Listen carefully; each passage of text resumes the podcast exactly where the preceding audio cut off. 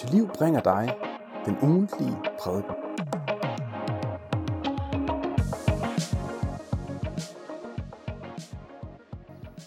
Ja, tak for øh, velkomsten. Det er rigtigt, jeg hedder Anders og øh, er en del af menigheden her til daglig. Så øh, læser jeg teologi på Dansk Bibelinstitut og øh, arbejder også for Luthers Mission, som kirken her er en del af, nærmere bestemt i Københavns afdeling.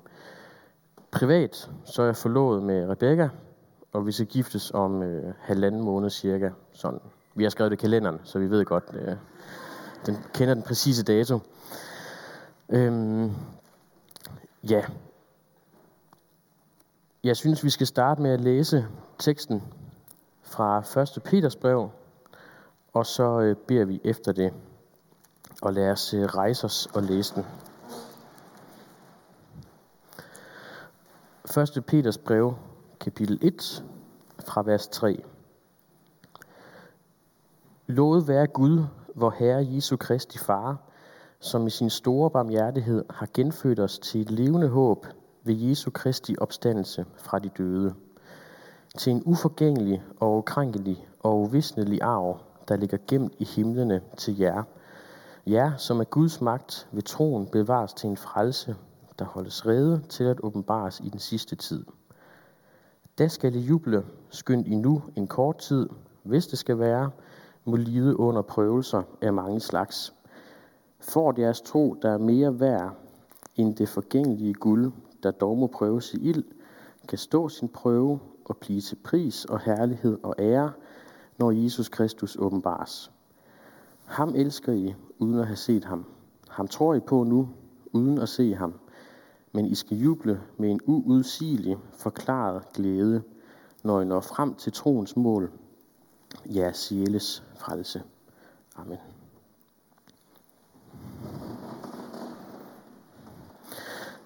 Lad os øh, bede kort. Kære Herre Jesus, nu beder jeg dig om, at du må tale til vores hjerter om dig. Tale til trøst, opmuntring og vækkelse. Amen. Se, øh, i den her kirke, der følger vi folkekirkens tekstrække. Og normalt, så skal man, altså normalt prædiker man over den tekst, der er fra en af evangelierne. I dag så bliver det lige den tekst, der er fra øh, et brev, nærmere bestemt Peters brev. Og, og det var simpelthen, fordi jeg synes, det sådan øh, sagde mig lidt mere. Men øh, Jesu opstandelse nævnes stadigvæk og spiller en ret afgørende rolle, og kommer også til at, øh, at spille en rolle i den her prædiken. Planen er som følger. Jeg gennemgår teksten bid for bid, forklarer lidt og øh, prøver at forbinde noget, noget af det teksten handler om til det kristne liv. Det er sådan de to ting. En øh, forklaring af teksten bid for bid, og så en forbindelse til det kristne liv, eller et budskab til det kristne liv. Og det, øh, det viser jeg sådan med to symboler. En forklaring, det er lupen, og så en forbindelse til livet som kristen. Og så til sidst, så slutter jeg af med sådan en tegning eller en visualisering af den her tekst. I hvert fald forsøg på det. Det kommer til at handle om øh, vores håb som kristne, altså frelsen, og nærmere bestemt det, øh, den del af frelsen, som sådan handler om det evige liv. Så kommer det til at handle om øh, Jesu opstandelse og Jesu opstandelses betydning for det her håb. Og det kommer til at handle om øh, vores lidelser som kristne, som er et tema i det hele taget i 1. Peters brev. Men øh, lad os starte med første bid af teksten. Der har jeg taget de første tre vers, vers 3, 4 og 5. Det er en lovprisen af Gud, og øh, det man skal lægge mærke til, det er sådan en god ting at lægge mærke til generelt, når man læser breve, det er de her små ord. Der står, øh, Gud i sin store barmhjertighed har genfødt os til et levende håb ved Jesu Kristi opstandelse. De her små ord, i, ved, hos, til og sådan noget, det synes jeg langt hen ad vejen, det er jo troens ord. For de viser, hvad troen er rettet mod, de viser, hvad troen bygger på. Sådan er det også her. Øhm, Guds store barmhjertighed, det er motivation, eller det er årsagen til, at Gud genføder os til et levende håb. Og det gør han ved Jesu Kristi opstandelse. Altså Jesu opstandelse, det er midlet, eller øh, måden, eller instrumentet, kan vi sige, øh, til for vores levende håb. For at lave en lille sammenligning. Øh, en gang så var jeg ude at rejse med en ven. Vi nåede ikke vores fly. Det var ikke vores skyld, det var flyselskabets. Og så kan man få refusion. Har man ret til. Øhm, så fik vi, eller kunne gå ind på hjemmesiden og finde en blanket eller en seddel, udfylde den med de ting, vi synes, vi var blevet snydt for, sådan noget, og skrive under, og så sende den ind. Og så var den der øh, seddel, eller blanketten, det var vores middel, eller vores instrument, eller vores måde, hvorpå vi fik vores refusion. Sådan er det også her. Jesu opstandelse, det er midlet, eller grundlaget for det levende håb, vi har. Så så kommer der to spørgsmål. Det ene er, hvad er så det levende håb? Hvad er det levende håb? Jo, vi møder det flere gange ned i teksten, i de her vers. Øh, det levende håb, og så møder vi det igen i vers 4, det er til en arv. Og vi møder det igen i vers 5, til en frelse. Det levende håb, der bliver beskrevet her, det handler om frelsen sådan i et evigt perspektiv. Når vi øh, læser Bibelen og læser om, hvad Jesus har gjort for os, så, så er der flere ting. Vi er blevet hellige, vi er blevet retfærdige, vi øh, lever i sådan en, øh, en stadig helliggørelse som kristne. Øhm, vi har fællesskab med Jesus nu, og så skal vi have det i evigheden. Og det, det er det her evighedsaspekt, eller evighedsperspektiv, der sådan er fokus lige her i, i de her vers. Det er det levende håb. Det, håbet om det evige liv. Det er det, det betyder. Det andet spørgsmål, det er, hvad betyder Jesu opstandelse så for det her levende håb? Altså det er midlet til det, årsagen til det. Hvad er det egentlig, øh, hvad er det egentlig for en rolle, det spiller ind i det her? Der vil jeg gerne sige to ting om Jesu opstandelse. Den ene ting er, vi har faktisk hørt det allerede i dag fra lovsangsbandet, at øhm, jeg er opstået fra de døde, fordi jeg er opstået i Jesus, eller jeg er opstået med Jesus. Det er den ene ting.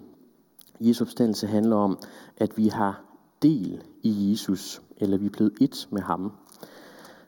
Det, det er sådan, jeg, jeg kan ikke sådan rigtig forstå det, øh, de her, men øh, vi kan læse det, og vi må øh, prøve at arbejde med det, og så må vi først og fremmest tro det. Vi er blevet et med Jesus. Det betyder, det her med at være et med Jesus. Min synd, det er blevet Jesu synd. Og Jesu død for min synd, det er blevet min død for min synd. Og, og så dør Jesus, han opstår igen, han sejrer over døden, og døden er ikke herre over ham længere.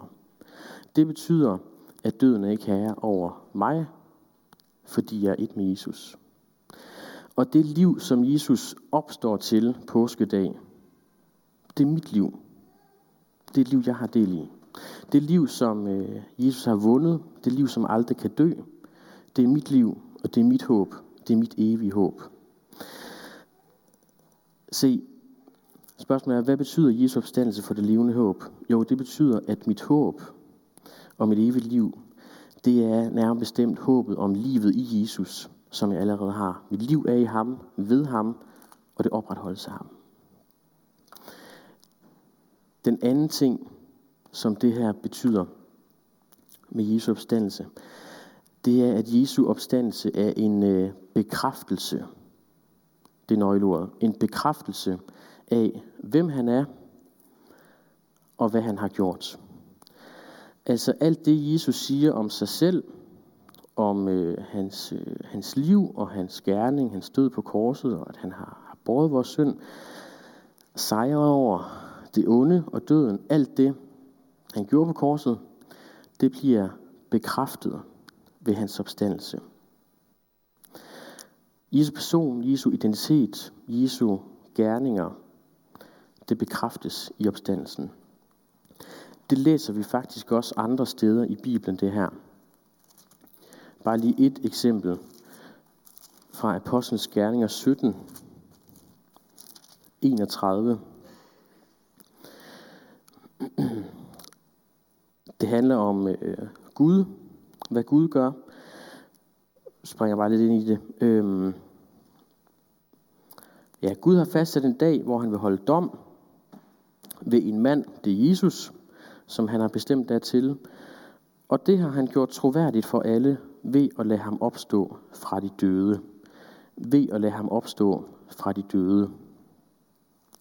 Og andre steder siger Paulus, at øh, hvis Jesus ikke var død for vores synd, så vil, eller hvis Jesus ikke var opstået igen, så vil det hele være forgæves. Så vil vi stadig være i vores synder. Fordi det der bekræftelsen, det er nøgleordet, bekræftelsen eller stadfæstelsen kommer. For at lave en lille sammenligning, det er en lidt, øh, ikke sådan fuldstændig komplet sammenligning, men en lille sammenligning. Man, øh, I forskellige virksomheder, så, så arbejder man med øh, certifikationer til forskellige ting. Det er sådan en længere historie. Så kan man få nogen ud, det kan man også arbejde med, øh, og sådan tjekke og hjælpe med, at kvaliteten er i orden. Og så kan man sådan arbejde sig hen imod sådan et, et bestemt certifikat på et eller andet, man laver. Se, Jesu opstandelse, det er sådan certifikatet eller kvalitetsmærket, eller det der troværdighedsmærkat på alt det, han er, og alt det, han har gjort. Det er en lidt øh, halvhjertet sammenligning, men, øh, men jeg synes, det hjælper mig til lige at forstå det lidt. Det er certificeringen af alt det, han har gjort. Gyldiggørelsen på en eller anden måde.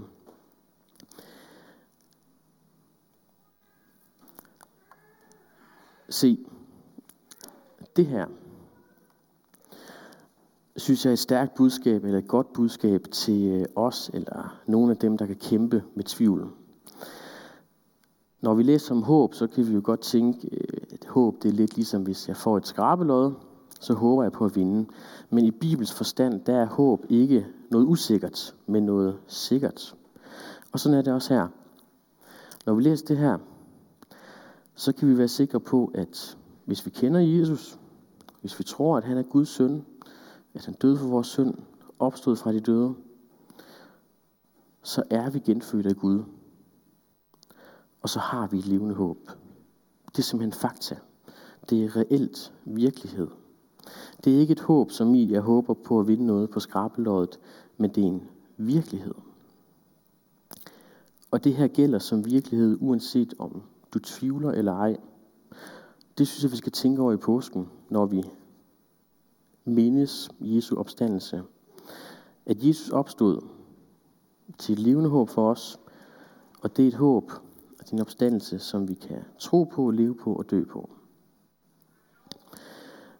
For nogle år siden, så havde jeg en længere periode, hvor jeg kæmpede meget med tvivl. Det var tvivl på, om øh, Gud fandtes overhovedet, og om Bibelen talte sandt. Om kristendom simpelthen øh, var sand. Det var faktisk ikke særlig sjovt. Slet ikke. Så var der en gang, hvor jeg skulle øh, passe en lille dreng. Skulle lægge ham til at sove, og han skulle have sunget godnatsang. Og han ville gerne have sunget den, vi sang for lidt siden. På Golgata stod der et kors. Og jeg sagde til ham, jeg er faktisk ikke sikker på, at jeg helt kan huske den fra, da jeg var lige så lille som dig, men nu, nu prøver vi, ellers så nynner jeg lidt af den. Øh, jeg kunne faktisk huske det hele, og det var faktisk glad for, for det blev sådan en lille budskab til mig ind i det her tvivlens mørke. Der synger vi, at der stod et kors på Golgata. Jesus stod på korset. I haven var der en grav. Jesus lå der. Og så kommer det. Men korset er tomt. Graven er tom. Jesus stod op, og han lever. Korset er tomt. Graven er tom. Jesus stod op, og han lever. Og der blev det sådan for mig, det der tvivlens mørke og den der helt uoverskuelige kompleksitet, der var ved det hele, ved troen og livet og kristendom, som jeg slet ikke kunne overskue, det blev simpelthen lige kogt ned til det allersimpleste. Det tomme kors og den tomme grav. Og jeg tænkte, det tror jeg på. Og det kan jeg leve på og dø på, også selvom jeg tvivler.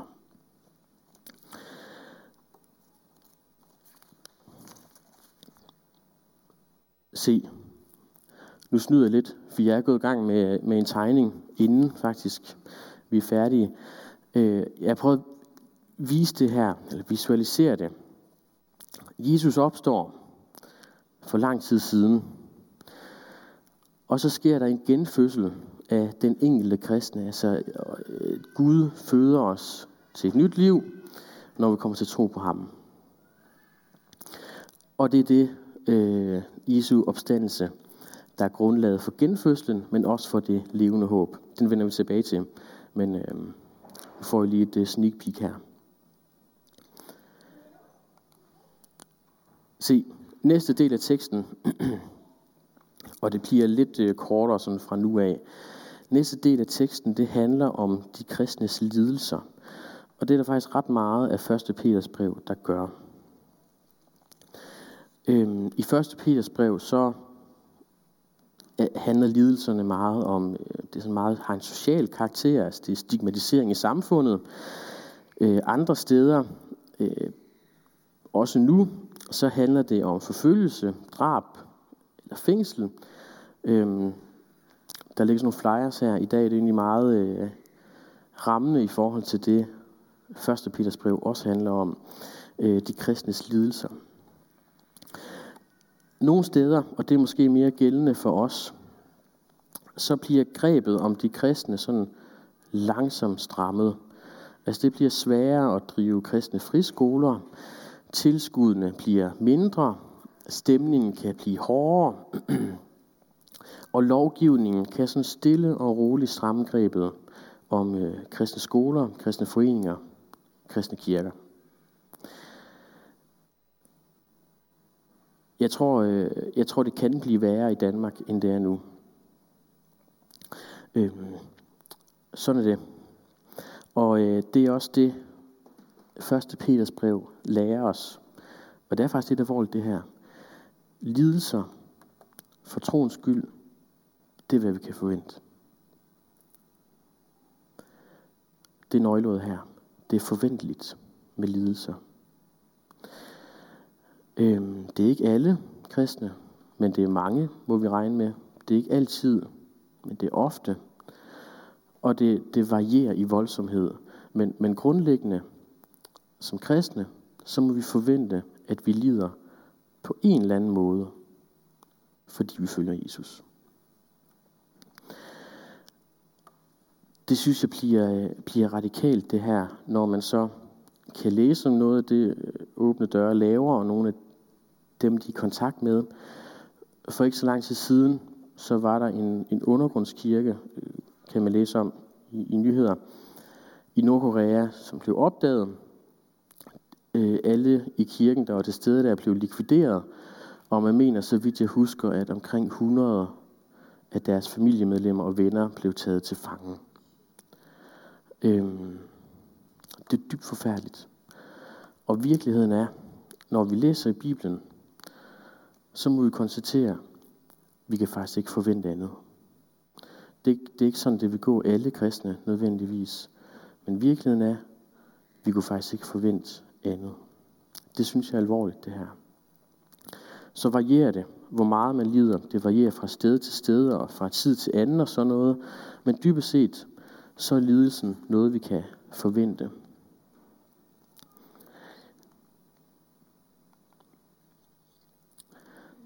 Se, nu vil jeg sige noget til, øh, til to grupper herinde, hvis der sidder grupper, de her grupper herinde. Den ene gruppe, det er, det er dem, der tvivler på, om min tro så vil holde til, til det her pres. Hvis, hvis lidelsen bliver for mange, vil min tro så kunne holde til det.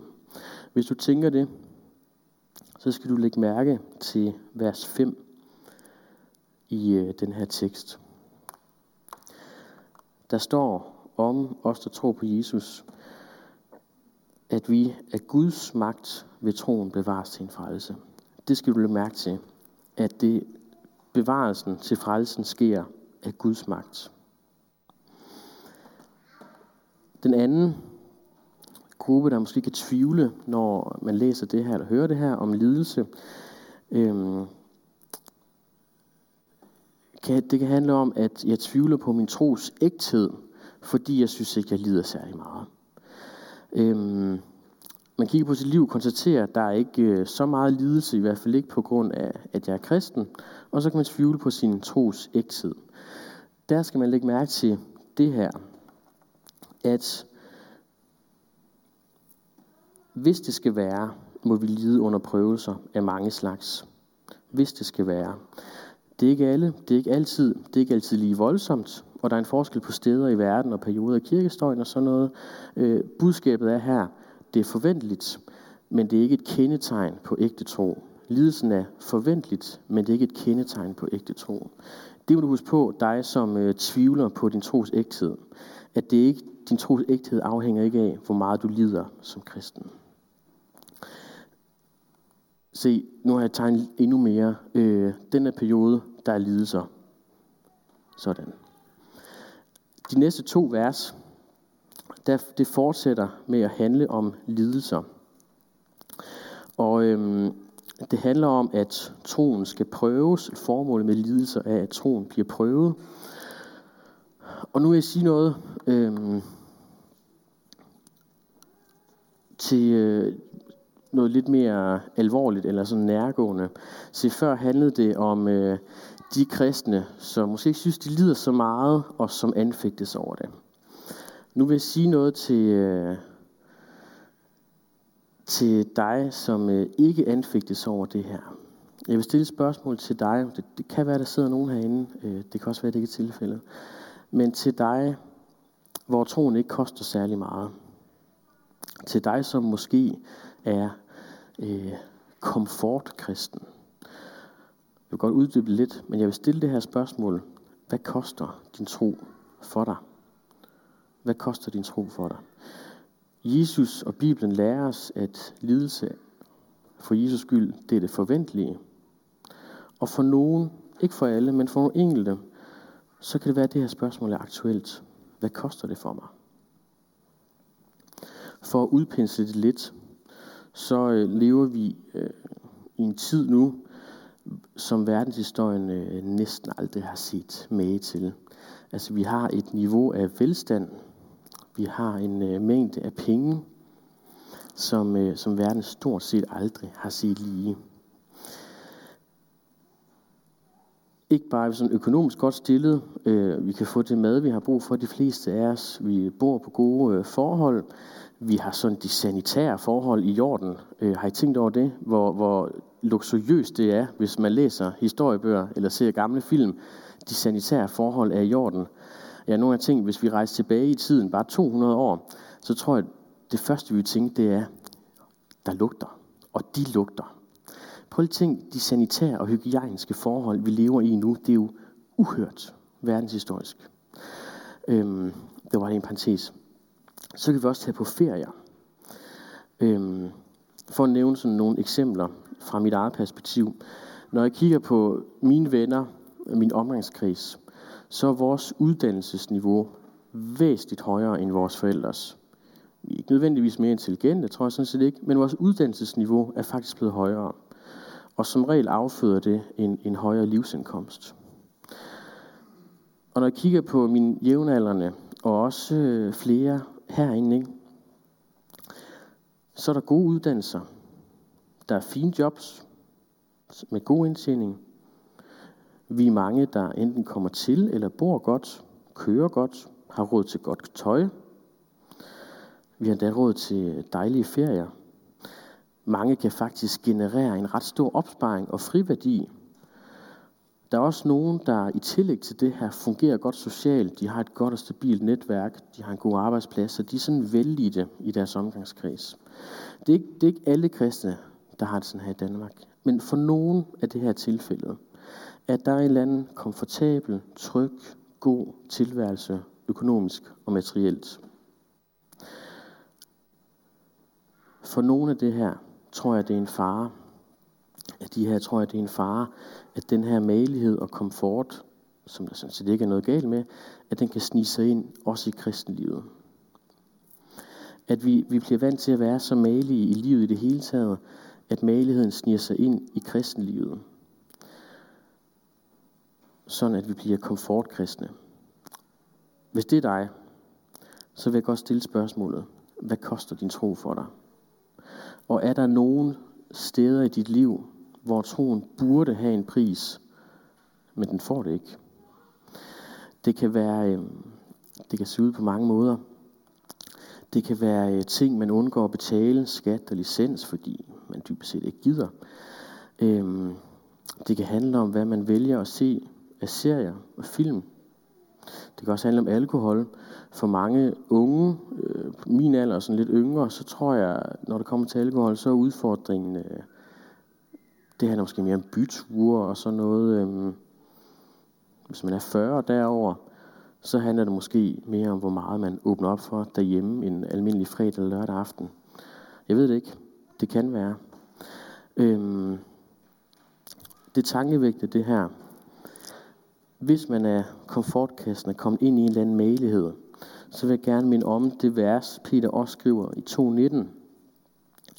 Det er tak være for Gud, eller det er tak være, når man med Gud for øje tåler uforskyldte lidelser. Som kristne, så er det tak være, når man tåler uforskyldte lidelser. Hvis tilfældet for dig er, at du ikke engang kan tåle lidelser, der ikke gør andet end at genere din komfort og din malighed, hvor er du så henne i din tro og i dit forhold til Jesus? Det var et budskab til dig, der er komfortkristen. Øh, for lige at lukke den, så vil jeg godt lige slutte af øh, med et forbehold. Jeg tror, at der er nogen, der kan sidde og komme i tvivl, når de læser om lidelse som kristne, de synes ikke, de lider. Hvis det er dig, så må du lytte til det første, jeg sagde, altså det lidt mere forhåbentlig sjælesørgeriske til dig, der tvivler. Hvis det er dig, der er blevet komfortkristen, og troen helst ikke må koste noget for dig, så er det det andet, der er til dig. Jeg kan ikke vurdere heroppefra, hvem, hvem der skal høre hvad, men, men det må vi bede Gud om. Og så må jeg bede jer om, hvis, øh, hvis I ikke sidder i målgruppen til et af de her budskaber, så må I godt øh, lukke ørerne for det, så det ikke sådan støjer unødvendigt. Se, til sidst, så er der to vers, øh, som jeg har været glad for selv. De forklarer, at vores sjæles frelse, håbet, arven, det er noget, der er værd jubel over. Det, øh, det er nogle vers, jeg selv har været glad for det her. For jeg har faktisk haft det sådan, jeg kender nogle andre, der også har det sådan, jeg ved ikke om det er alle, men jeg har svært ved at forestille mig, at evigheden skulle være god. Det har jeg faktisk. Det der med, at tiden bare går og går og går og går og går.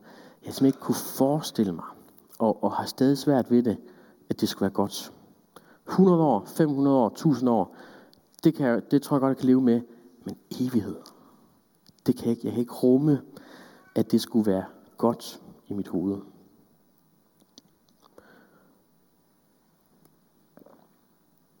Så har jeg ofte vendt mig til de her vers.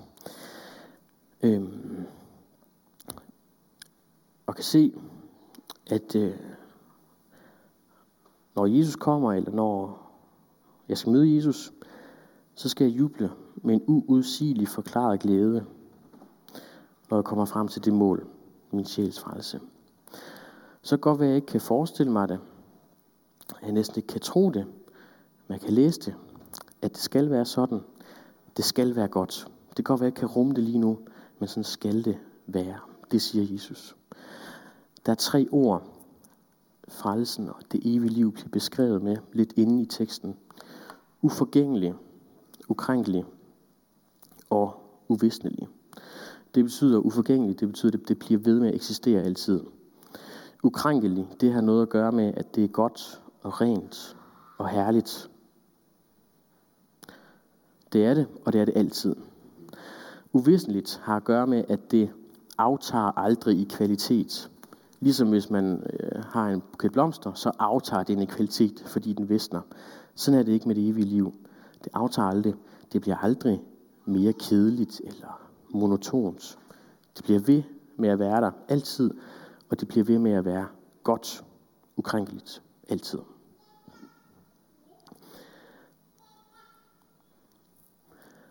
Nu øh, er jeg begyndt på en tegning, som jeg vil øh, vise lidt mere her til sidst. Jeg gør det nogle gange, når jeg forbereder en prædiken, prøver at visualisere det på en eller anden måde, fordi det er nogle gange, det sådan åbner sig på en lidt anden måde. Synes jeg også her.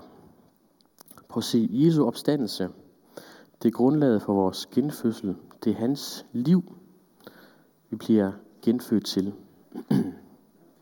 og det levende håb, vi har, det er på grundlag af hans opstandelse. Og så er der nogle lidelser. Men de lidelser, synes jeg, bliver sat i perspektiv, hvis vi zoomer lidt ud på den her tidslinje, det, det der jeg prøver nu, jeg håber det sådan øh, lykkes. Kan I se, det er det samme dernede som deroppe. Hvis vi zoomer lidt ud, så ser vi, det levende håb, det er evigt, og det er det bare en lille bid af det. Så den, den tid med lidelser nu, den synes jeg bliver sat i godt perspektiv, når vi ser frem mod det håb, vi har. Det er lidelserne. Men Jesu, de bliver sådan mindre og mindre i perspektivet. Men Jesu opstandelses betydning bliver jo ved med at have betydning. Jesu opstandelse bliver ved med at være lige vigtig i al evighed, fordi det er den, der er grundlaget for håbet i al evighed. Og det er også det, vi fejrer i dag. Jesu opstandelse, det er det, der gør en evig forskel. Amen og glædelig påske.